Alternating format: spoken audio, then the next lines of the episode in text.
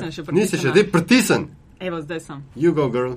Spoštovane in spoštovani, dobrodošli v Metinem čaju. To je podcast o dobrih in slabih praksah v medijih, o novih tehnologijah in kaj? Čaj, metin čaj, ja. Čaj moram še dobiti, pa, pa lahko začnemo živijo. No, Ja. Pa si takoj začetek Ja, zmotil, ampak naj ne metin čaj, pol bi mi pasal čaj, ne? Ja. Met in čaj je lahko tudi koda za viski. Gostje so profesionalci, ki vejo, kaj delajo in govorijo, v medijih uh, delajo, z njimi živijo in o njih razmišljajo. Met in čaj pa vodiva Aljaš Pengal Bitenc, Radio Chaos in Nataša Briški, Metina Lista.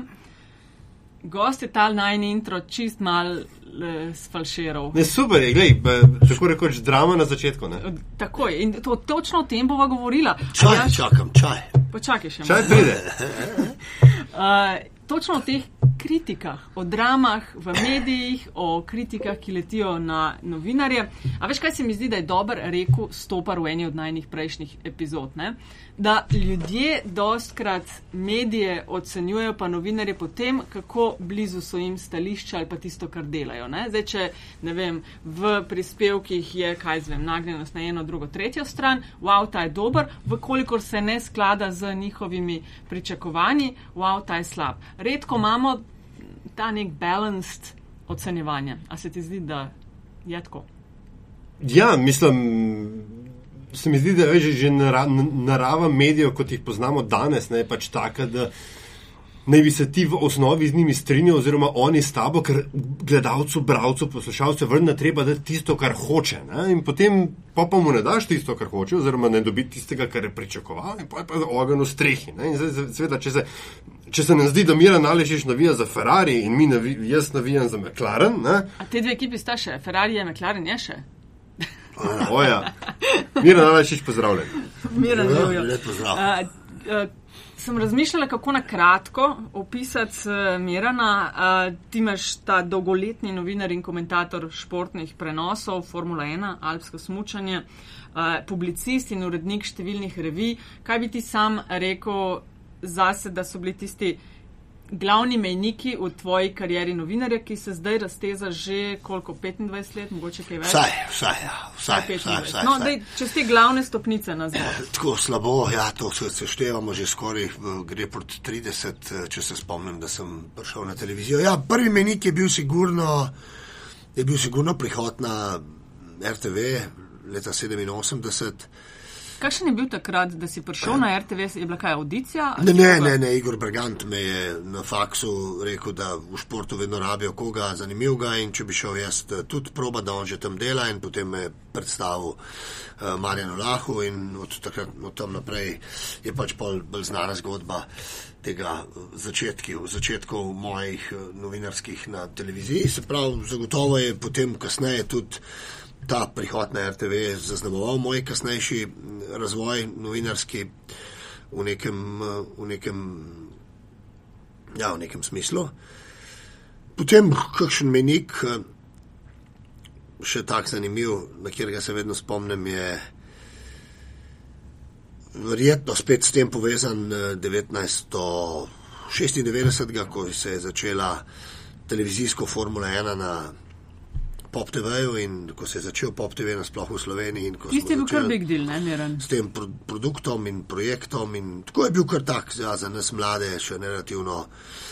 Uh, se mi zdi, da je bil drug čas, da je bil še vse en drug čas, kot je danes, da ni bilo tako samo vse pomembno, da, da, da, da, da danes uh, je neka generacijski čas je drug, tudi verjetno so branže drugačne v tem nekem računalništvu, v teh nekih start-upih, vseh teh novih besedah. Uh, to vse počno ljudje med 20 in pa 30 letom. Včasih se mi pa zdi, da je bilo drugače, da če si bil mlajši od 30, si pravzaprav čakal na neko priložnost v okviru nekih sistemov in tako naprej. Ni bilo ravno tako, eh, kot je danes. Mi zdi, da teh nekih priložnosti za razno razne karijere, ideje je danes eh, precej več, tudi za zelo mlade, tudi eh, uspejo lahko, če so dovolj prodorni, dovolj iznajdljivi, dovolj inovativni in dovolj ustrajni. No, pa, pa verjetno z- verjetno, kaj bi še rekel, potem, če ostanem pri novinarstvu. Ja, pol pa pri novinarstvu pravzaprav ni bilo, pol je bilo pa, pol smo pa 10-15 let gradili ta produkt na, na RTV-ju, oziroma na, pardon, na Pop TV-ju, uh, ta produkt Formule 1 in zdaj zadnjih. 15 let je bilo. No, 15 let, ja, skoraj 15 let. Uh, mislim, da sem jaz bil 14. Uh, 14 let smo to delali. Uh, potem, uh, potem se je zgodilo pa nekaj, kar sem, kjer sem pa pravzaprav jaz vzel za, za neke vrste svoje razočaranje. Uh, to je pač ta, ta poskus, da bi, da bi s Formule 1, pa še s čim na RTV-ju uh, znova uspel, uh, uspel narediti nekaj, nek produkt. Jaz sem imel kar veliki idej, kako bi, kako bi te stvari pelali. Zdelo se mi je, da je na RTV-ju tudi možnosti uh, mnogo, mnogo več. Ampak uh, tukaj, od tukaj naprej pa moram reči, da je bil ta mejnik, ki se je pa vrnila Formula 1 pa na RTV, je bil pa za mene eno tako precejšno razočaranje in ena velika težava. In pravzaprav. A te je tako zelo te je to razočaralo? Ja, jaz mislim, da je. Uh, po, po, tam, je tam ni moč storiti ničesar. Okay, Tudi a, tako trmast, tako nesramen, če hoče, tako vzdržljiv, tako nekdo, ki ga samo nekaj narediti, zanima, nima nikakršnih možnosti. za tiste, ki ne spremljamo uh, insiderskih štosov, ne, govoric in tako dalje, ali pa um, ozadja, kaj v brisih svojega. ni- Ne, uh, Se ni v zadju, se je v spredje. Ok. Okay. Poglejte si, naredite, vem, da se nobenemu tega ne lupa od vas, ampak naredite si, tudi jaz nisem naredil, ampak čez prst pa imam občutek. Ne? Recimo, poglejmo, poglejmo, kdo v oddajah, recimo, kdo v nekih informativnih oddajah na RTV-ju vse čas nastopa. Kdo frekvenco pojavljanja ena in istih ljudi eh, v zadnjih, recimo, desetih letih, če hočete, vzemite in boste videli, kaj se tam dogaja. Mm, Tarča, zdaj le en dan. Ne? To so en in isti ljudje z enim istimi temami, na en in isti način, z voditelji, novinari, uredniki, ki razmišljajo na en in isti način. Vse to se dogaja vse čas na en in isti način, ni pa za gledati med nami, ne? ni pa za gledati, tako je za nič. kaj, kaj je tisto, kar si ti hotel narediti, pa ti niso pustili, da tako rečem? Ne, jaz imam pač, zdaj mogoče ni, ni niti prišlo do te konkretizacije enih stvari. Jaz sem pač, iz Formule 1 smo naredili, prvo leto smo, uh -huh. smo pravzaprav naredili so mal nadgrajen, bi jaz rekel, na nek način paket, kot je bil, kot je bil prej na Pop TV, ampak že to, že to, da je pol en projekt, ki jaz pač znam delati. Jaz delam vedno v novinarstvu tako. Imamo en projekt, imamo en budžet in imamo en, en program potem. Ne? In to naredimo. In okrog ni nič, je samo to. Na RTV-ju je pa vse ostalo, samo tega ni. Nimamo nikoli projekta, nimamo nikoli budžeta in na koncu dneva nimamo niti programa. Zato, ker je to, jaz, to je mogoče tudi malo nerazložljivo, ampak zdaj Nataša se bo spomnila. Eh, ob vseh težavah, ki smo jih na poti imeli, smo na PopTV-ju vendarle funkcionirali tako, kapitalistično. Bil je projekt, bil je budžet in bil je program. In bil je na koncu dneva še rejting. To, to štiri. Ne? In to štiri igra v tem biznisu, v tem šov biznisu, mu jaz rečem, samo to igra.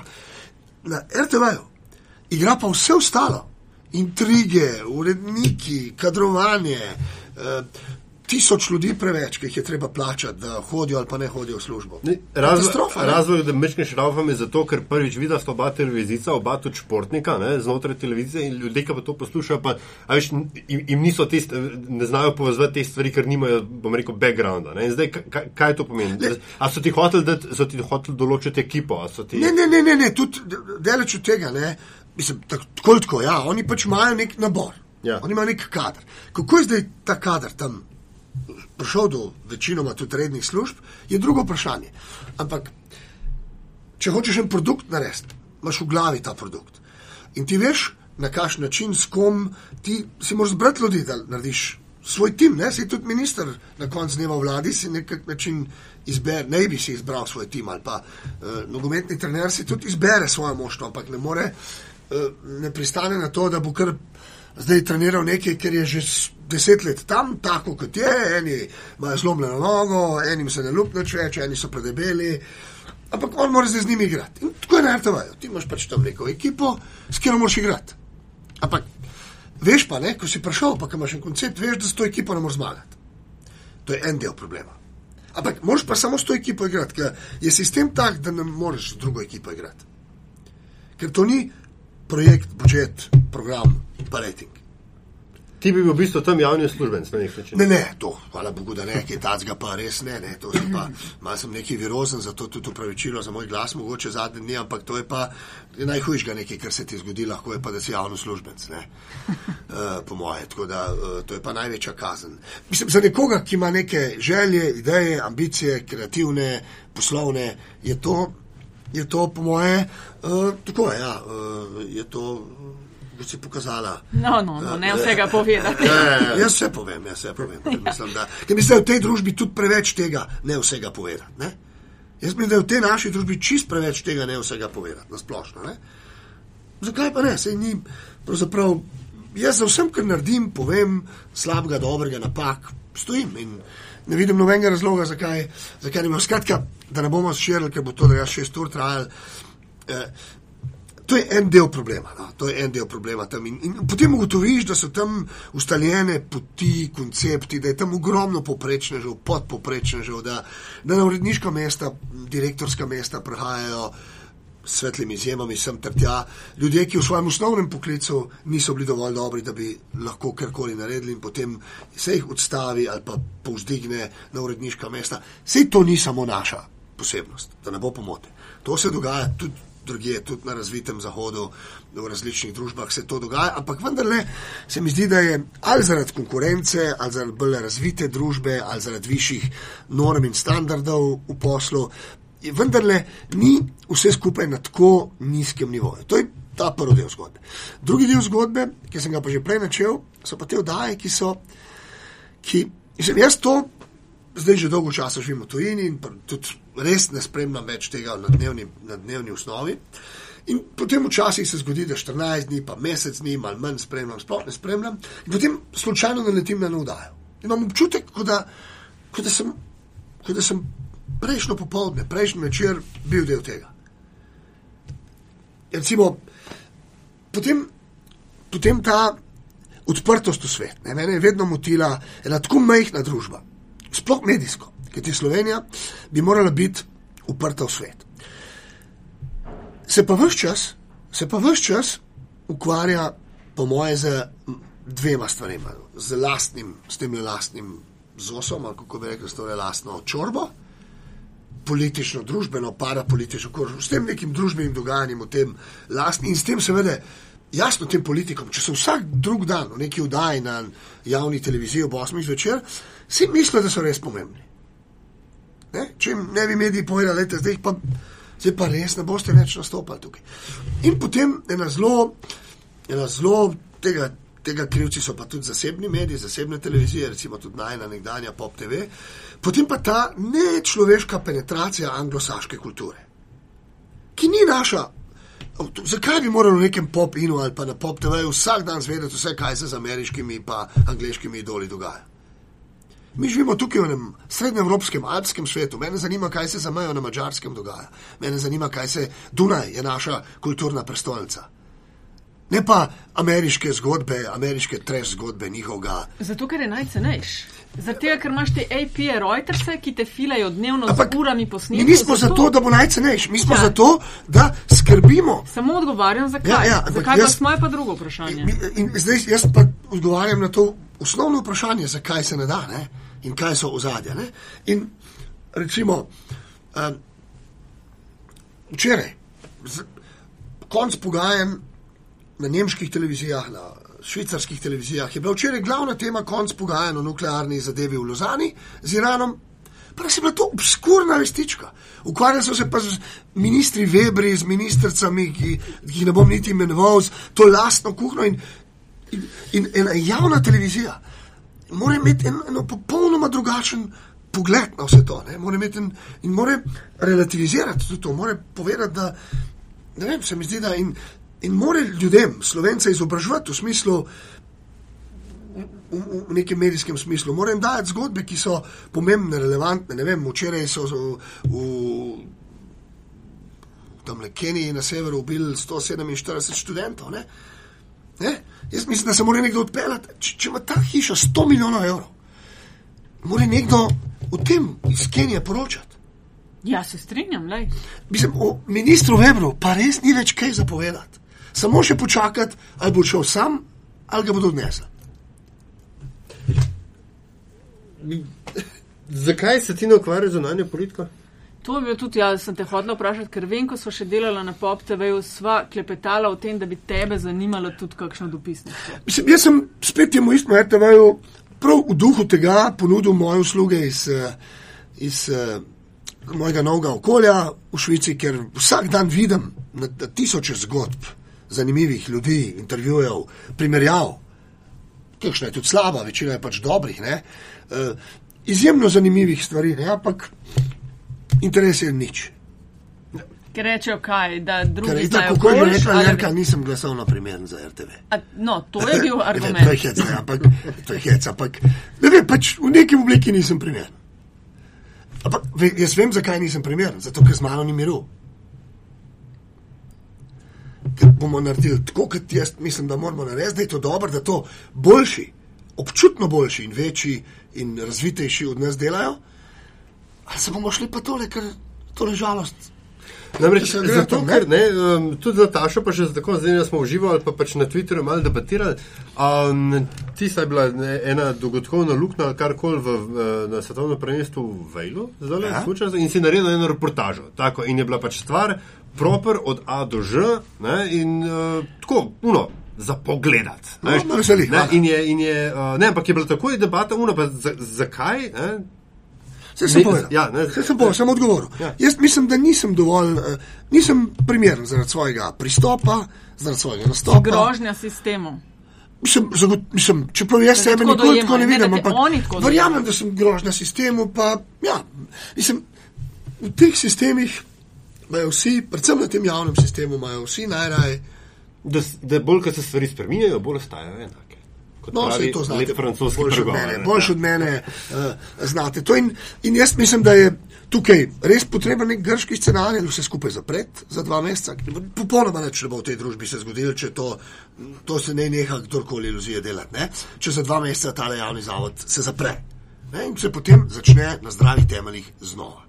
To je en, ena opcija, ali pa da res pride nek tank, Dej, debata o Nataši Pirce je lahko Zdaj akademska, ja. eh, lahko akademska, eh, ampak zagotovo nek tank, nekdo, ki bi verjetno na nek svoj način tam poskušal počistiti. Ampak sistem jo, sistem jo Misliš, da je izdrži točno prej. zaradi podobnega kot te Zagotovo. sile, da Tam zato ni šla so vsi sovražniki, vsi nasprotniki, ko gre pa za njih, so pa vsi eno. Ko za svoje vrtičke.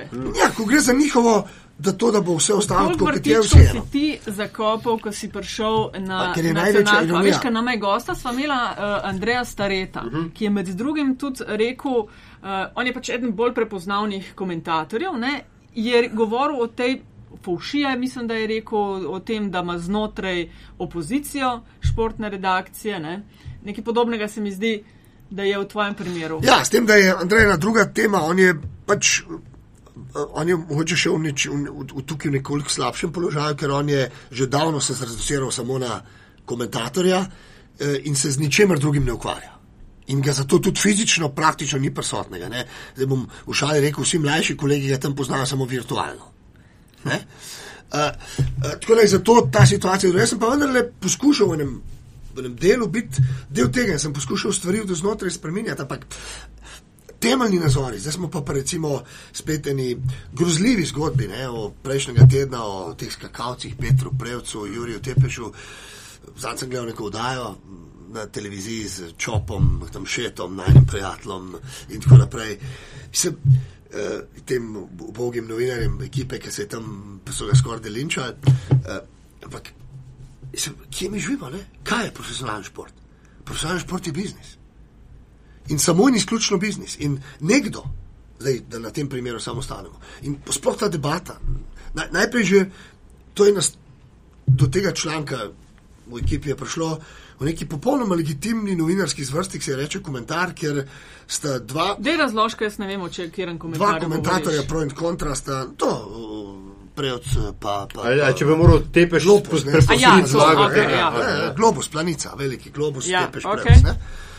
In jaz ne vem, kje ti novinari v Sloveniji živijo, športni predvsem.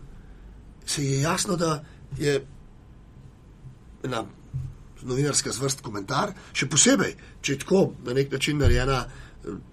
Ja, primerno bi jaz rekel, izjemno primerno. To, to smo so itak videli na Zahodu, ker to že dolgo dela pro in kontra, da imaš ti na neki komentatorski strani dve mnenji o neki temi. Ne? In ta mnenja so pač mnenje tega človeka. To prebereš, obrneš list in svet gre dalje. Ne? Tukaj se pa polovica države, polovica družbenih političnih delavcev se potem zgane in začnejo povzročati neki javni linč nekega novinarskega kolega. To na stranci, mislim, da tega, te osnove sploh več ne razumem. Zdaj pa do bistva s- stvari, po mojem, pri tej stvari. Ja, jasno, da je to šport posameznikov, da tudi Juri Tepeš rad zmaga. Ampak jaz sem eno zanimivo vprašanje pos, bi postavil. Ne?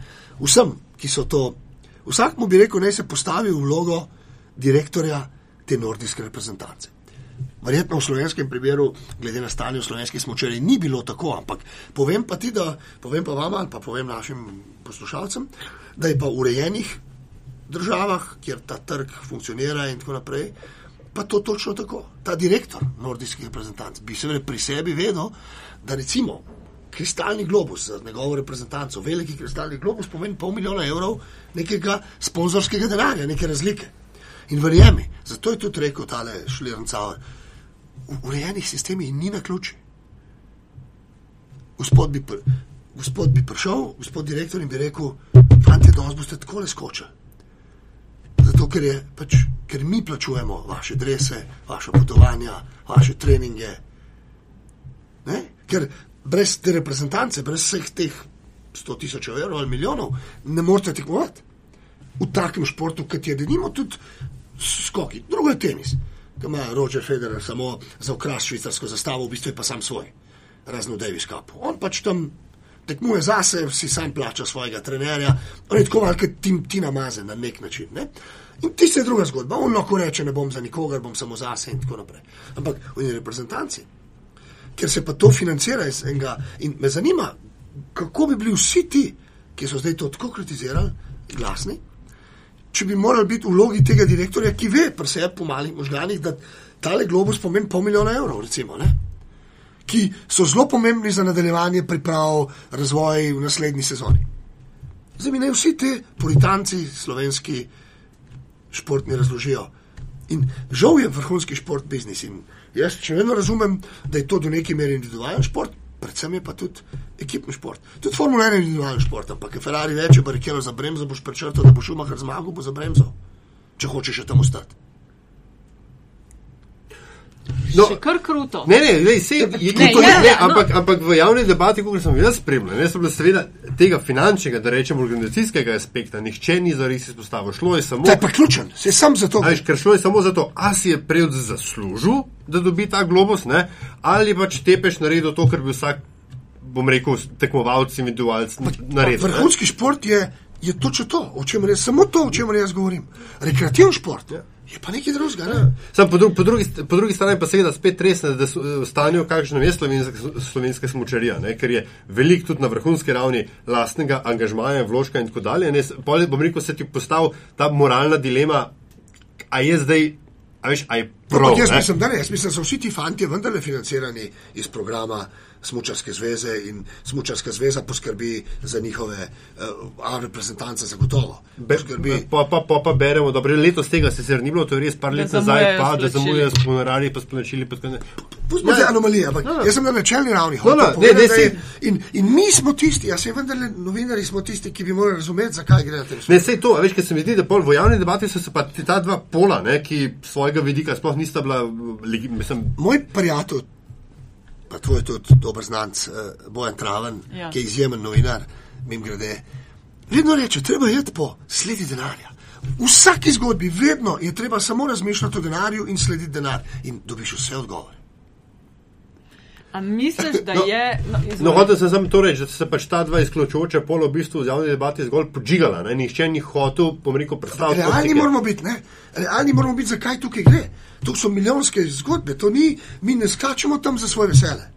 Zato, da se ljudje doma potem. No, a zabavajo. to je bilo moje vprašanje. Ali misliš, da je preveč tega dojemanja še vedno pri nas, to, da za veselje delamo, za, ne vem, Za narod. za narod? Zato pa je družba tam, kaj je, ne? No, to misliš, Se da je, popolnoma strinjam. da je tudi, ne vem, na, na tvoj prihod na nacionalko bil grožnja te miselnosti. Ampak to je, to je pravzaprav, ja, ja, ja mečkin je, tam je ta miselnost je zagotovo, ta, ta A neke vrste skrb, poslanstvo, to, to, poslanstvo, to. poslanstvo, oni so poslanstvo. Mi smo neka, neko kapitalistično nujno zlo, kot od zunaj prihaja, oni so pa poslanstvo. Ne? In tako, ampak zdaj, da ne bomo samo na RTV-ju, tako ta cel, se mi zdi, velik Ne, del tega javnega sistema, pa ne. nas. Uh, uh, v ozadju, ne? ampak tudi v tistem sistemu, pa v drugih tudi, ker pa na vsakodnevno spremljamo, ampak v tem ozadju, ne? ampak to poslanstvo, to, to, ta zgodba o poslanstvu je pravzaprav vse čas opi za ljudi, skozi, spet ponavljam, slabe medije, ki ne odpirajo pravih tem na prav način. V resnici se pa v ozadju, tudi te, ki se grejo poslanstvo, seveda, kot bi Traven rekel, sledite, pa tudi pa njih treba toliko denarja. Ne? Pol pa pride do milijonskih, No, ja, ja. do milijonskih honorarjev profesorjev z javnih, z javnih fakultet, pa do odtekanja tacga, pa do malverzacije take, pa do eh, odtekanja vs- vseletnega iz No, državnih podjetij in tako naprej. Ne? Vedno so v zadju neki ljudje, ki pa imajo konkreten interes, ki je spet v denarju, se kaže, da je to tako. No, si- vendar je eh, bojan zdaj eh, na, na, na nacionalki v zaklonišču, ne, kot, se, kot se temu reče. Ja, ja. dobro, to je zdaj drugo. Ja, druga je ne, druga. okej, lej, mi- povabite enkrat, pa bo sam Je, povedal. Je ga, bil, je bil, je ampak, bil. ampak A. takrat je bilo še Takrat dobro. je še šel, pa ja. čez tri mesece ga pa ni bilo. Okay, nekaj, nekaj drugega. To je vedno tako generalno zanimalo. A, Novinarji, ki pokrivajo notranjo politiko in ki z načeloma v medijsko-političnem mehurčku še vedno vlajo kot na vrhu uh, uh, prehranjevalne verige, ne, so na športnike, na vrst športnike, a tako reči, vedno mečkan dol gledali. A si ti to kdaj občutil? Mislim, to je pač absolutno tako, o tem ni nobenega dvoma. Tako to je, je pa popolnoma ne, uh, neopravičeno. S tem, da jaz bi dve stvari tukaj izpostavil. Ta prva je ta, da Nataša se verjetno še spomni z PopTV-ja, če bi bila že takrat uveljavljena voditeljica in tako naprej, ker smo ne parkrat naredili neko audicijo, da bi dobili neke nove kadre ne, in sva mi dva s kolegom Belčičem pa še s kom uh, sestavljali en, en vprašalnik. In Šlo je pa seveda vedelo, so, da prihajajo v športno redakcijo in da se bodo ukvarjali z Formula 1, motocikli, se pravi z benzinskimi športi in tako naprej. Ampak tem vprašalniku, ki je imel mogoče 30-40 vprašanj, ki so prišli to, ta študente to pisati in so to eno uro pisali, dve ure, koliko smo jim že dali, eh, je bilo samo, mislim, da na koncu morda 3-4 vprašanja v zvezi z motošportom, vse ostalo je bilo pa poznavanje sveta okrog sebe. Ne? In tisti študent, tretji letnik so prišli študenti, ki ni znal našteti pet stalnih članic Varnostnega sveta Združenih narodov, nima kaj delati v novinarstvu. Potem je prišel čisto začuden, so pol v meni hodili, "A pa zakaj se jaz sem se odločil, da me bo mene Rosi zanima. Sem rekel, najprej moraš svet spoznati, pa boš pa tudi. Rosi je samo del tega, kar moraš ti vedeti, če hočeš biti novinar. En majhen del tega. In zdaj smo pri tem, da, je, da jaz ne verjamem v to, da so lahko notranji politični novinari, pa športni novinari, so samo dobri, pa slabi. Ni drugih, ne? Za mene. Ker jaz mislim, da lahko grem danes tudi dobro gloso o ministru Webru tam narediti. Se ne bi mogla bolj s tabo Ja. strinjati in odlično. Ja, ja, ne, ful, Aljaž. ful, dobro, pač, ker In to je point. Ja, ja. Ne, Zdaj smo pa pri eh, pri enem, eni, eni, enem kratkem primeru, bom pa povedal, kaj se je zgodilo z, z eh, tem gledanjem vzdolj športnih novinarjev. Že kar nekaj časa je, ko se spominjam, jaz sem bil takrat še bolj mlajši državnik, torej nisem bil na ekranu. Spominjam pa se, da to je bilo en kratek obdobje, verjetno je že šlo za kakšno težavo, reforme, bolezni, boh ve zakaj. Na RTV-ju so morali športni voditelji eno kratko obdobje voditi tudi neka poročila. tretji dnevnik ali nekaj tasga, mm. samo jim vem, da je vodil Marjan Fortin, pa mogoče celo tako, Andrej Staren, ne vem, če bi. V glavnem neki športni dežurni so morali tudi kar tretji dnevnik malo, ali so bili poletni čas, poletni čas ali karkoli.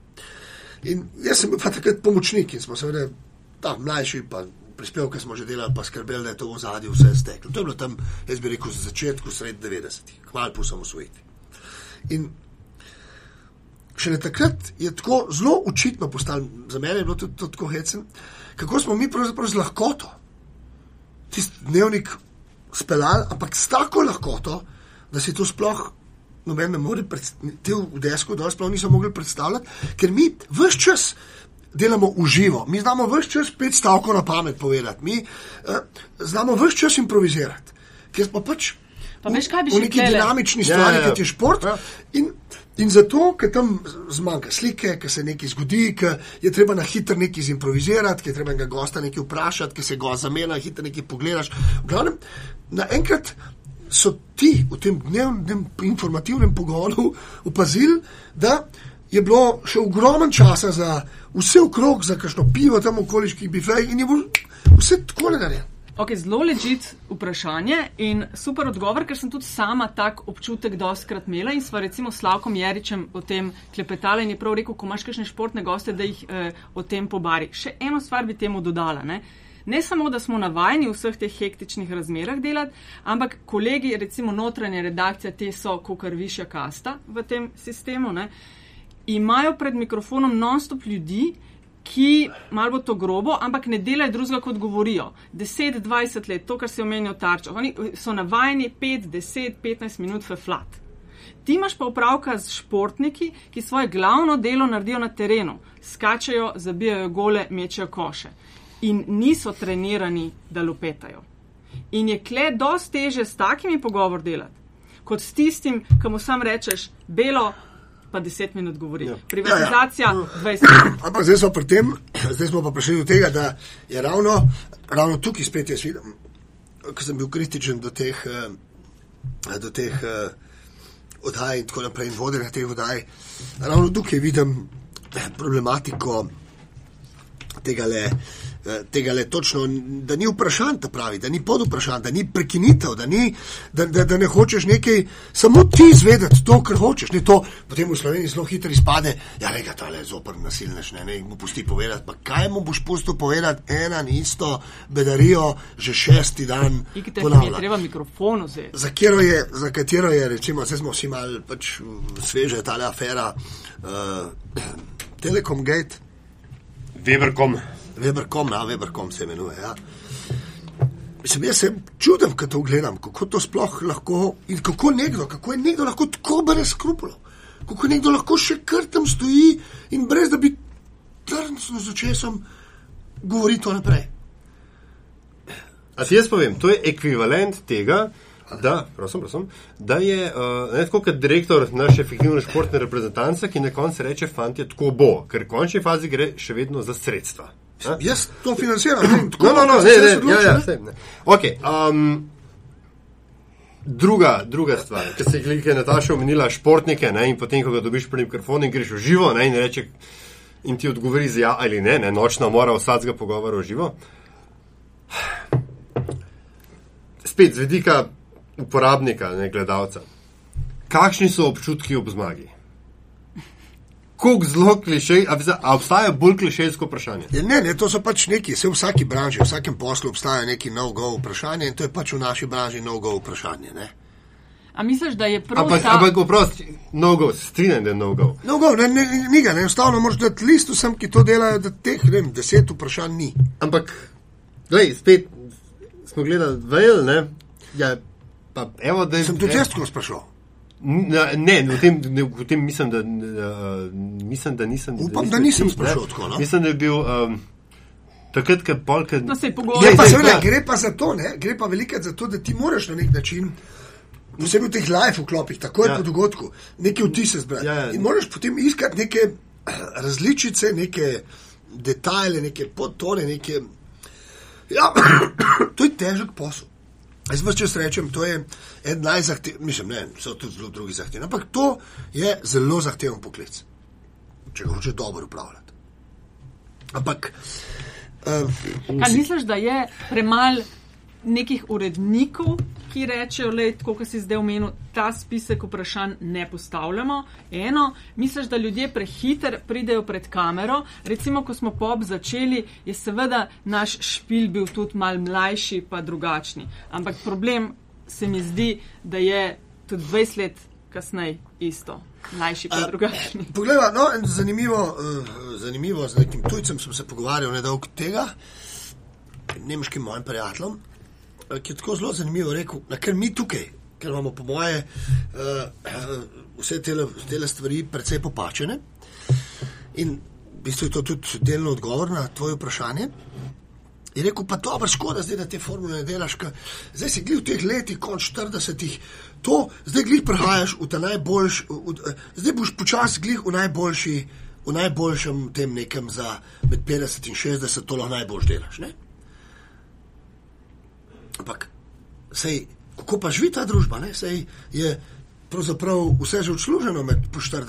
Ne, tukaj, Se, to, tem- se ti zdi, da prehiter se pomenimo- napredujemo, napredujejo? Ne. Prehiter Popolnoma grejo, ne, ja. veš, pride iz, iz faksa na televizijo, pa včasih smo imeli, ok, v, tudi v sigurno v mojih časih smo hitreje šli, kot so pred mano šli. Ampak si, si bil, jaz sem bila mlajša dežurna, pa si novičke, pa po kasete sem hodila na avtobusno, takrat so še kasete dopisniki pošiljali, ne pa pol, ok, pa vodenje, pa uno, pa tretje. Ne. Zdaj pa tako, dvakrat je in ima že naslovno novico, že pokriva, ne vem, patrijo, že pokriva odstope ministrov. Tako je, po- po- popolnoma, to, to je popolnoma, jaz mislim, da je. Da- pa ljudje 40, da v 50 informativnem pa, programu na javni televiziji nikoga ne bi smel biti pod 40. Misliš, Prati, razni izjemoma. Pod 40 Na letom nihče ne bi smel voditi eh, teh oddaj. In v, v bogato visoka leta. Ker nikoli ne bom pozabil, bil je že globoko v 80-ih. Tebe pa mislim, da še ni bilo takrat tukaj, ali si pa že bila. To je bilo eno tudi njegovih zadnjih, eh, kakšnih 5-6 let je tega. Je Juri Gostinčič vodil eno oddajo, eh, kjer, je, kjer je- so nastopali politiki, med njimi tudi Dimitrij Rupel. In tu se je ta razlika videla, ki mi v tej družbi ne razumemo. Ne? Ti se lahko daj z Jurijem Gostinčičem ne strinjaš, ampak kakorkoli. Ampak gospod, eh, ki vsako jutro prebere vse časopise, ki je kapaciteta in ga znanja. Ne? Si pač v tej oddaji ne dovoli od enega ministra razlagati mu sveta. Ampak to si, la, to si 30 do 35 letne deklice žal ne morejo prvošiti. ali dečki. Ja, ali pa dečki, ja, žal je vse več deklic, ne, to je problem. Ne, ne. Tudi tega poklica, vsaka poklic, ki se feminizira, to pač je tako, je na, kot v vrednostnem sistemu družbe na upštir glajzu, kot rečejo. Nemci, Misliš, ne. hočeš reči, da se slabše dela, ali hočeš reči, da je sam Ne, slabše slabše plača, slabši pogoji so in Da, da nam je pač- to jasno. To, je pač. eh, In, in vse to je klasika, ne? se pa nas je pravosodje feminiziran. Čeprav jaz imam s tem, ok, ti povej tisto do Ja. konca, ker s tem feminiziranjem imam jaz mal težavo. Ne? Mi dva klele zelo se v metinem čaju, uh, ne bom iščeva tiste, ki imajo kaj povedati, ne? ki delajo kakšne groundbreaking stvari. Pišejo, kaj veš, Seveda. reče feminizacija medijev. Ja, ni jih toliko. Jaz pa mislim, da je. je. Ja, Ker pet pogled, glej, poprečje. Pet, kaj pa ima redakcija, pa je na en krok. naredila prav Pa boš videla, da v matra, glavnem. da, a Da veš, je precej več igre, S tem, da boš to. vedela, da je bil to včasih. Količinsko jih je da je mogoče to več, včasih- odločajo pa ne.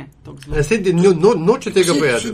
Kar hoče Mira povedati, je, da je to, da je več žensk v, v redakcijah, tako iz, To- izgovor za. Hm, Izgovor za feminizacija kot feminizem, kot Lej, Sto let nazaj, sto let nazaj. Duhovniki, pač zaradi, zaradi eh, pač njihove politike, moški. Učitelji, moški. Cesari, knezi, razen kakšne izjeme, moški. zdravniki. Kam to Zdravniki, moški. Sodniki, moški. Novinari, moški. To je, to je družbo, to je držal družbo. Ampak tako, joj, to je čist prehuda debata. Ne, ne, ne, ne, zdaj se vidi, ful se ne razumete. To je država Ful se ne razumete. In potem vidiš, v, in kdo danes, tam, kjer je denar, tam, kjer je, tam, kjer, tam, kjer je, kjer je prosperitetna branža, tam so spet moški. Programerjev računalniških je spet več moških. Nekih, jaz, teh startupov, vse so tudi ženske vmes. V glavnem je več moških. Tam, kjer je nek, na, kjer je napredek, kjer gremo naprej. In tisti, ki je izpostavljen, ker bo lahko denar, ker bo lahko moč, ker bo vpliv, tam so moški. In ženske pa prevzemajo pol vedno to, kar moški noče več. Iz enega, drugega, tretjega razloga. Vsi vemo, predvsem zato, ker ni položaja v družbi tega poklica, je, je na koncu je pa vedno povezan tudi z tem, koliko je vreden. Ne? Znare. Tudi, ampak to ni bilo, Ja, ja, zakaj sem na to prišel. Ampak, ampak klasičen, samo povedati sem hotel, da je poklici, ki se feminizirajo, spadajo na družbeni lestvici. Ampak ne, ne zaradi tega, ker se feminizirajo, se pa Ne. feminizirajo zato, ker padajo na lestvice. ne. To hočeš povedati. Ja, ja. Da ne bomo imeli prehude, šitlo ja. do komentarjev. Ja, sem kaj narobe Ne, povedal. Ne, ne, ne, samo ampak ker- to skratka Sem dejstvo govorim, to niti Ok. te zanima, to so samo dejstva. Trajaš pri tem, da je treba, sploh pa na nacionalni televiziji, nacionalnih medijih, ljudje dalj časa rabiti, da se naredijo, da dobijo možnost Seveda, ne. spretne- In mikrofon. tudi. Jaz pa na, na zahodni Nemčiji, v, Švici, v Avstriji, v Franciji, jaz 60, 70, tudi do 80 let stare voditelje vdaje video. ki jim ljudje pol verjamejo, ne? Ne? Jaz ne vem, Imajo kaj povedati. jaz ne vem, ampak nekoga, ki je seveda veliko že v življenju naredil. Prej smo gospoda Gustinčiča omenili, to je bil v tistih letih seveda čist njegov hobi. Ampak zato moramo pa to vrednotenje spremeniti. Tem ljudem je treba dati neko jasno težo. To, tacga ne more vsak potem, mi rečemo to v žargonu, vsaka mlajša dežurna oblajati. Ne? Ja, ne, se strinjam čist, ker ni tega hierarhije. Pa ne sploh nimamo tega biti. spoštovanja koncepta. Ja. To je pa v bistvu uničil v veliki meri socializem. Pa ga nikjer ne vidiš tega. Pa v Sloveniji. Ja, Mislim, vidiš kakšne svetle izjeme. kjer- Zagotovo je, v, po, zagotovo je v realni ekonomiji.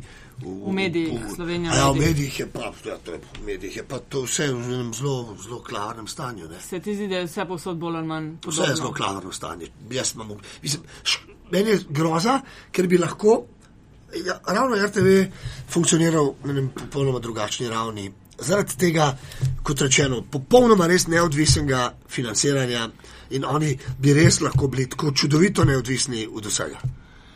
No, pa kakšen je status zdaj? Uh, pač tam si začel formulo komentirati, pa uh, alpsko smučanje, pa se je pred tik pred koncem sezone zapletlo, malo smo počakali, da se ohladijo glave, da o tem No, se ni debatiramo. nič, se, Kje, kaj zdaj, tam ostajaš, odhajaš? Ne, ne, ne, jaz sem pač jaz sem neko pogodbo, veljavno, ki je v odpovednem roku, zdaj se pa ne strinjamo okrog tega, uh, zdaj se pa okrog stvari ne strinjamo, uh, kako bi to morali izgledati.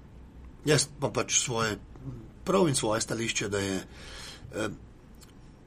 neki pogodbo treba spoštovati na tak način, oni pa v, svojem, v svoji maniri mislijo, da uh, si lahko pač kar premisliš in rečeš, da, da, da, tega, ne boš, da tega ne boš spoštoval.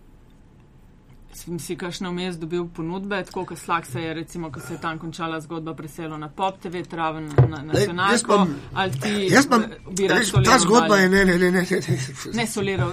Je, ne, dobro si pač tvoja Ja, ja, dobro, dobro si nastavil tezo. Jaz eh, sem ravno o mojih dveh prijateljih eh, slako in travno razmišljal. Ne? Kam človek pravzaprav, kako človek napreduje, če samo kolobar v tem stalnem krogu? Jaz imam malo občutek, da zelo težko kaj napreduješ. Da si zdaj malo tle, pa si tle neki, pač neke okoliščine, pa, pa greš tja, pa, pa spet malo tam neko vdajo vodiš, pa, pa se spet vrneš sem. In tako v, tri, v trojnem, ampak vsak ima zase svoj, kaj, kakšne so njegove cilje, ambicije, želje. Ampak jaz sem nekako zaznal, da, da se tukaj vrtiš v enem, v bistvu pa na koncu dneva v enem, enem istem krogu, iz katerega zelo težko narediš nek nek preboj, nekaj drugega in nekaj drugačnega, in malo zamenjaš. Tako da, uh, tako da le bomo videli, če bo kakšna primerna, res primerna ponudba, da bi. Da bi vsem rekel za Formula 1, ki jaz pač delam že več kot 20 let, v bistvu z radi, vred, pa tako naprej, že 5, več kot 25 let. Če bo neka taka ponudba, pol, seveda, bo o tem tudi za razmisliti, ampak moj temeljitejši premislek gre pa v tem, da pravzaprav nisem mogoče čist, eh, čist eh, zadovoljen, da bi pa samo v tem trikotniku skozi, da bi to zdaj dve let delo za Pop TV, pa dve let za ta TV, pa dve let za RTV, pa pol spet tako. Nisem mogoče, um, mislim, ni to moj izključni cilj. Mogoče bi rad, um, ravno se mi zdi, da sem še v teh letih, ki bi mogoče lahko še, seveda vse je povezan tudi z mojim bivanjem, drge in, in, in, in s tem. To je, ja, da si se v Švico preselil, No, to je se pač sme povedati. zasebna zgodba. A, okay. okay. Zasebna, sme se povedati, privat zgodba, oče je bil bolan, pa tam pa sem pol moral skrbeti za njega. Že prej sem imel firmo tam, tako da uh, sem mi tako vedno bil, Švica mi je bila vedno fajn družba, tako vedno so mi bili všeč njihova, njihova trdost, njihova, um, njihova spretnost, njihova uh, trmoglavost tudi na nek način in pa predvsem seveda tudi, uh, tudi njihova uh, samodisciplina. Ne. Ne, njihova, mi tukaj se vzemimo, recimo, ne, ta, zdaj teh je veliko aspektov uh, tega, to velika Slovenija, Švica, da bi mi smo hoteli to postati. Ne. Najprej bi morali te ljudje tukaj postati taki, kot so švicari. To je pa največji problem, ki se mi zdi, uh, uh, ki se mi zdi, to se mi zdi v celi zgodbi največji problem. Mislim, tam, je, tam so ljudje res bogati res bogati. Ampak tudi vse že zaradi mnogih razlogov. Ampak predvsem zaradi, te, zaradi tega samoomejevanja, zaradi tega stalnega asketstva, malo tako samoomejevanja. Oni tako res to, to tam prav čutiš na vsakem koraku. No? En, en, en, en, en popolnoma druga filozofija doživljenja. Ne? Delamo, delamo, delamo, pa spravljamo denar. Kalvinistični pristop. Ne, ja, ja, ja, če, se, če se s kal, Kalvinom ukvarjaš, pa s Cvingljem, pa s temi protestanti. Ampak ja, mi smo imeli, da so polna usta primoža trubarja. Kaj, je od, kaj nam je pa od tega ostalo? Znaš, dvakrat smo ga izgnali, dvakrat. Kaj nam je pa od tega ostalo? Raznega praznika, lepega, hvala Bogu. Ampak kaj nam je v naši, v, v, v naši miselnosti od tega ostalo? Ni tam se nihče, nihče na avtocesti ne pele več kot 120. Tam se policijskemu avtomobilu na misel ne pride, da se bo pelal drugače, kot je na tablah z omejitvami. Če seveda nima jasno označene intervencije, pa tako naprej. Tam nikomu na misel ne pride, da bo. Da bo zdaj, seveda, pustva, anomalije so posod, da ne bo pomote. Ne? Posod bi bo nekdo zdaj za besedo, je ja, ampak govorimo o Ja, ja, okay, da se je Ja, govorimo o, o, o tem masovnem pogledu na družbo. In, in, in, in družba je urejena, Vse, vsi v družbi, to je tudi tako fajn, ne? vsi v družbi vedo, kaj je njihova vloga. Vsi imajo svoje vloge v družbi, ki so jasne. Zacementirane desetletja, stoletja in so jasne. Eh, pa, pa tudi, ko je enaka, taka nacionalka, ne? Mal provociral. Uh, ja, na nek način si vem, kam si, kaj si mislil, na nek način. Ja, ampak ker je seveda to, to seveda zelo pozabljamo. Oni, so, oni imajo odlično, zelo zanimivo mešanico. Uh, uh, ene, jaz bi rekel, spet taki, kot so, in zelo do sebe stroge socialne države. Oni jim uspeva krasno poskrbeti za to, da nihče ni lačen v družbi. Da, Eh, da pravzaprav skrbijo za eno visoko raven življenjskega standarda vseh, tudi najšipkejših v družbi, ampak so pa vendarle na drugi strani ekstremno neoliberalna družba. Ne, Švica je ekstremno neoliberalna družba. S tem, s tem, uh, in, in zato tudi vse čas na, na, na teh uh, lestvicah konkurenčnosti in tako prva in druga, ne, ker sej na lestvici konkurenčnosti si lahko si prvi in drugi, samo če si ekstremno neoliberalen v tem smislu, da je pač vse posel in da ima to prednost predvsem. Ne? Potem je pomembna tam tudi, to je tako sploh v večini zahodnih držav, svetost kapitala. Kapital je svet. Ne? Tukaj bomo morali spoznati še, da je kapital nekaj svetka. Od nekoga. Je, je, je, pa njih je kapital skoraj da predvsem, če ne kar predvsem. In, uh, in ker ta kapital, ker ravno to, da imajo toliko kapitala, omogoča, če so dovolj pametni, da znajo zelo dobro tudi to socialno komponento unesti v to, uh, omogoča zelo dobro preživetje cele družbe. In, ta uh, uh, demagogija o tem, da to je samo od židovskega zlata, pa tako naprej, je seveda, to so popolne buče. Fintov, fintov levo ko si, ko si opisoval kvalitete švicarske družbe, ne, se mi zdi, kot da opisuješ en zelo dobro izveden pit stop. Taka. Um, kako. a- Tukaj pa ne razumem povezave. Ja, ne, en, en tak uh, rahel prizvok odobravanja ne, je bil pač slišati, ampak točno tako, kot da bi veš, občudo, občudovanja en, enega dobro, dobro natreniranega tima, ki je vem, v 3,5 sekunde zamenil čisto vse štiri gole. Absolutno ne. In jaz mislim, da se moramo, in to je pač problem te slovenske družbe. Ne? Zdaj, najprej treba postaviti, vse tako kot v vsakem poslu ali pa v vsakem, v vsakem cilju, kar imamo v življenju. Ne? Jaz mislim, da je treba postaviti neke cilje. Napaka številka ena, Slovenija si ni postavila ciljev. Ne, nasprotno, mislim, mi ta cilj smo imeli, spomnim smo ga 2-4, z vstopom Ja. v EU in od Kaj- takrat nimamo več velike zgodbe. Prosti, prosti, kakšen je? Kak, kak, a vstop v Evropsko unijo res ne more biti cilj ene družbe. Glej, takrat je bil. Takrat Takrat je je Ne, bil. ne, ne, moj ni bil nikoli. No, No, redu, Samo glej. premalo nas je bilo razmišljajočih, ki smo uh, razmišljali. Ampak gre za temeljni, ne? Ja, kaj, ja, ja. kaj ta skupina ljudi na tem ozemlju hoče predstavljati. Se- saj se kaj, strinjam. kaj se hoče jeti, na kakšen način se hoče jeti. Hočemo biti uh, offshore z veliko tujega kapitala, ki ga bo treba tudi na tak in drug način, ki ga bo treba pol braniti pred neko regulativo, ali hočemo biti ena uh, podalpska uh, šivalnica za boljša nemška in avstrijska podjetja. Pa sem rekel, ne šivalnica v smislu samo, uh, uh, samo tekst, tekstila. Ja, pa, ampak- pa to, kar delamo, da, da, kar da, je. da, pač, ja, da lom posle izvajamo, ne? Ali hočemo biti, ne vem, ne? ampak jaz nisem, raz, jaz sem Ja. že dovolj star takrat, ampak nisem videl tega, nisem videl te odločitve. Ne? Jaz osebno mislim, da bi bila in na eni strani smo sanjali, tako presepijo vsak mal sanjo, da bo to tako mal neka druga Švica, popolnoma nerealno, pa brez kakršnega koli razdeljenega koncepta. Po drugi strani smo se bali, ne? po drugi strani smo na nek način kar padli v to, pa se bali, ali pa nismo bili sposobni narediti kaj drugega, kot to, da postanemo neke vrste, ja, lon, eh, neke vrste sk- skupnost za, za lon posle, za boljše, bogatejše, razvitejše. Eh, Tukaj nismo, in, in, in potem smo tam, in potem smo si izmislili. Če vstop v NATO, neko vojaško, vojaško organizacijo, ki je vse, ki je družba kot obrambna, ne, to bo povedala, to bo zelo dobro vedela Nataša Briški, ki je bila dolg časa v, v jedru eh, te organizacije.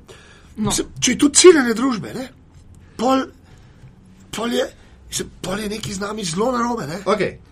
Tudi, tudi tukaj da je cilj, da bo mi dva zdaj samo v šparu kupala. Da je to cilj v življenju, da boš v šparu kupal. Mislim, halo? Stari pa ljudje se oblečejo za to, da grejo v špar. To je za vikend, grejo tam Ja. ja. cele žurke. mi. Dobro, Ja. jaz se zdaj gledam tole malo norce Ne, delate. Ne, ne, ne, ne, ne, ne, ne ne, ne, ne. Ampak zelo, veš, to je tisto, tudi, kar je Aljaš vprašal, ker se športnim novinarjem sam eno pripisuje, pri tebi se pa jasno kaže zanimanje in razgledanost. In to kažeš v bistvu tudi na svojem blogu. Gledam, da uh, z zelo različnih temah pišeš. Sem v nečem, kar me, jaz tudi mislim, da zdaj smo spet prvi, pa vedno se vračamo pol na neke eh, omizja, oddaje. Kaj sem se tudi zelo naučil? O vseh temah, žgočih, bolečih, problematičnih, sem ugotovil spet v razvitih družbah. Recimo, jaz sem zelo. Ja, na zahodu, tudi v Angliji, pa še več v Nemčiji, v tem nemškem področju. A veste, koliko širši nabor ne samo ljudi, ampak tipov ljudi mm. najdejo v tistih družbah, vodajah, ki o vsem govorijo. Zakaj se, o, zakaj se pri nas ena in istih pet mandlcev o istih stvareh, o, o nekih stvareh samo pogovarja javno? Ker je tako najbolj enostavno. Ja, vendar, in ne. najlažje, in ker Pa, tisti, ki. š, pa še nekaj, ne? A, to pa včeraj se je vezano na politike, ne? ampak stopna pripravljenosti ljudi, ki, so, ki sodelujejo od odzuni v takšnih oddajah, ne, je neskončno višja kot to, kar se, kar, kar se Kar pri nas dogaja. Recimo, prav, prav. primer, ne, včeraj mi, mi sicer, kar se objave tega posnetka Ja. tiče, bo ene desetne razlike, ampak se pravi, a, 2. aprila je bila hkrati tarča pri nas, pa predvoljivka v Veliki Britaniji. Ne. In seveda, pri nas so odstavljali miznice, prodajali telekom in tako dalje. Ampak, a kdo o cifrah govoril? Ene, dva. Vse ostalo je bilo nekaj lapanje, levo in desno. Ne. Tam imaš pa še ene, ima- imaš pa bolnike tipa Nažel Faraž, ki svojo agendo utemeljuje z nekimi sicer izkrivljenimi, pa vendar številkami, ja. ki imajo začetek, ki imajo konec. Veš, in, in st- stopna pripravljenosti ljudi, Ampak ki, sem- ki jih sploh spustijo na televizijo. je, jaz ne. mislim, da vzgojnega momenta ne razumejo, te uredniki pa direktori na televiziji. Ne? Kje je zgodba? Ne? Ti moraš širiti Jaz mislim, da moraš v, tak, v, v teh temah se morajo pogovarjati mnogo širši ljudje v družbi, zato ker s tem pravzaprav daješ tudi neko vzgojno komponento vsemu, da smo politika vsi. Ne? Ja, Točno to. ja, ja, ja, ja. Ja. Tuk, tukaj se pa zelo strinjam. Slogan imamo na metadekletih. Ženske za politiko, politika za vse. In politika niso samo stranke in parlament, ampak vse. Ko greš kruh kupiti, kolegica moja reče, je kam ga greš kupiti, tvoje dejanje. Strankokracija ne, je pa največje, je pa eno največjih. Uh, jaz samo ne vidim, ne, ob vsem tem, kar lepo sta povedala, da malo spremljam, pa kaj malo me to zanima, ne vidim pa ta trenutek.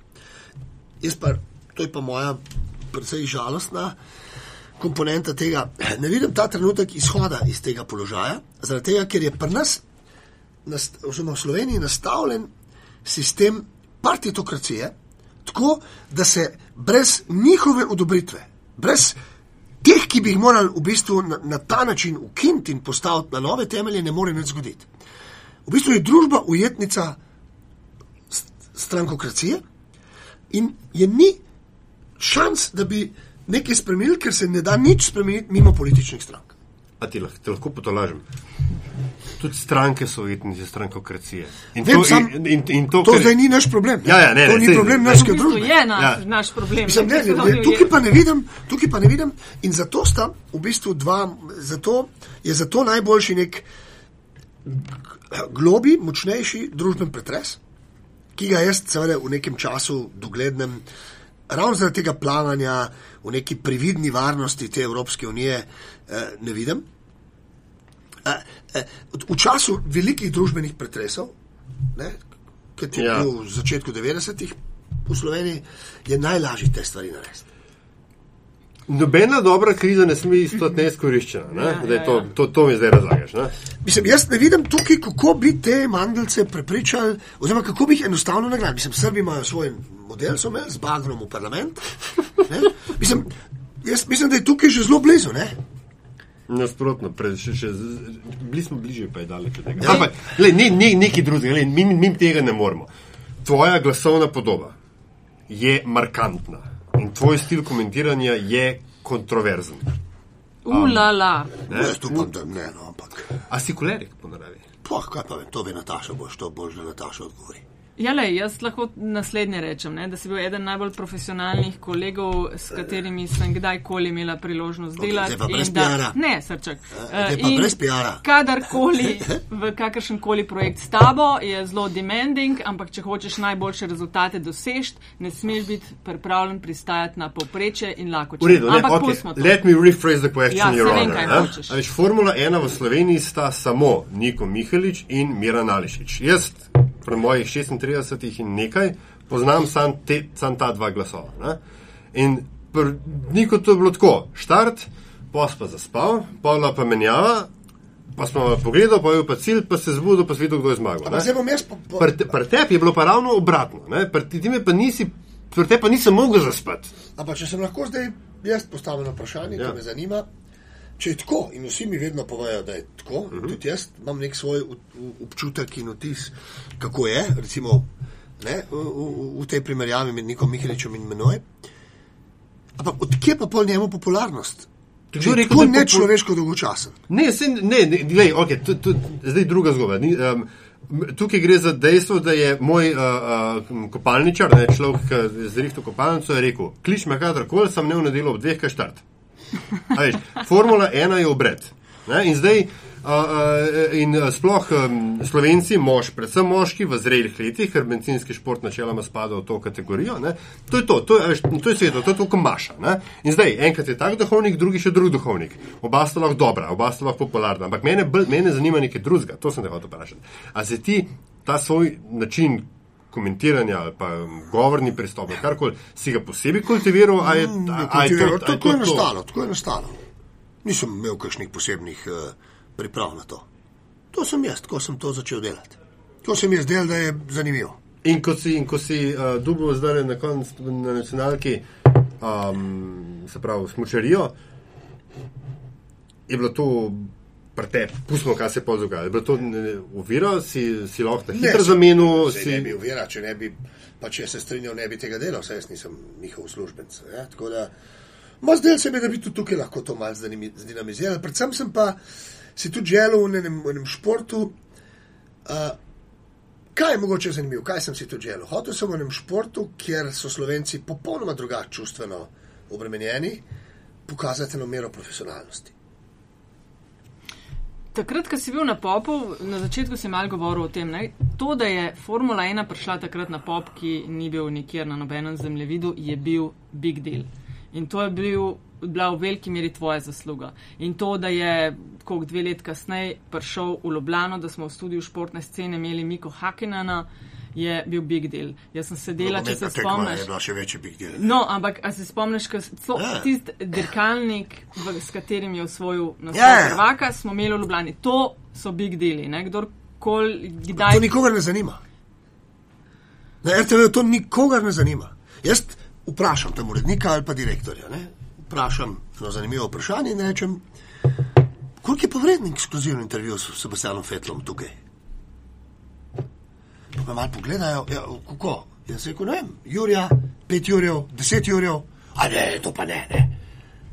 Ja, fajn je, če- ga imamo, če pa ne, pa, Pa tudi v redu. pa to, to redo, ne? To, je- to, s enim stavkom je to, ti pove vse. Ne? Preden končamo, meram, da še povej. mislim, smo še razogrevali. več- Ja, sej, le bomo še drug del naredili. Ja, što je človek na dve uri naštima, ne? na Se ve, se 67 ve, krogov.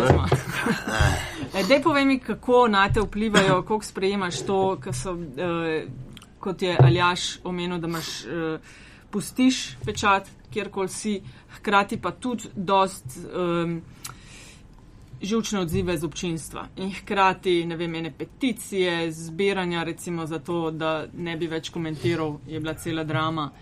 Kako to na te vpliva? Pa se je pa zelo pomirila, hitro se mi zdi, ampak to je bilo še tam. Sem pa tebe ni bilo decembru. več. ne, pa je bil še cel, pa je bil več, še No pa ja, ne, pa je bil še cel. Ne, Kako delaš s temi odzivi? Jaz- Tudi na popa, veš, kaj je od Miheliča prešlo na Ališiča, Se trudim, da- se trudim, da ne bi vplivali, da bi vplivali čim manj. Uh, verjamem pa, kako težko je, če še jaz, ki se imam za nekoga, ki ima kar trdo kožo, pa ki gre, uh, ki gre kar uh, do, do, Ja, do, do konca, pa ki nekaj tudi pove, kaj si misli. Ne? Z nekom takim, zelo, zelo močno. Uh, uh, zelo močno izraženim tem, tem svojim, svojim prav in tako naprej. Če še meni, če imam še jaz ogromne težave, kako šele opravijo z nekom, ki je tukaj šipkejši. To me tako mal. Uh, kako bolj preprosto šele opravijo s tem, ki je šipkejši. In še nekaj, ne, je seveda problem. Uh, to je tako. Uh, Tako na nek način ratov, eh, ratov tudi, eh, verjetno je to v vseh branžah, ampak smo že bili pri medijih. Naslednja stvar, ki je izjemno ti, ne, ki ne želijo sprememb, ti, ki ne želijo, da bi šle stvari na boljš, na nek način zelo subtilno funkcionirajo tudi z, z, z ustrahovanjem tam. Ne. Ljudem pač enostavno ta neka odvisnost, tvoja odvisnost, eksistenčna od nečesa, zelo spremenja tudi tvoje vedenje. In, eh, in ta popolnoma razpadu sistem medijev pri nas, eh, ki tudi ni nobenega pravega denarja, tako rekoč v Sloveniji, ne, vsej nekih alternativ pa mnogo krat nimaš.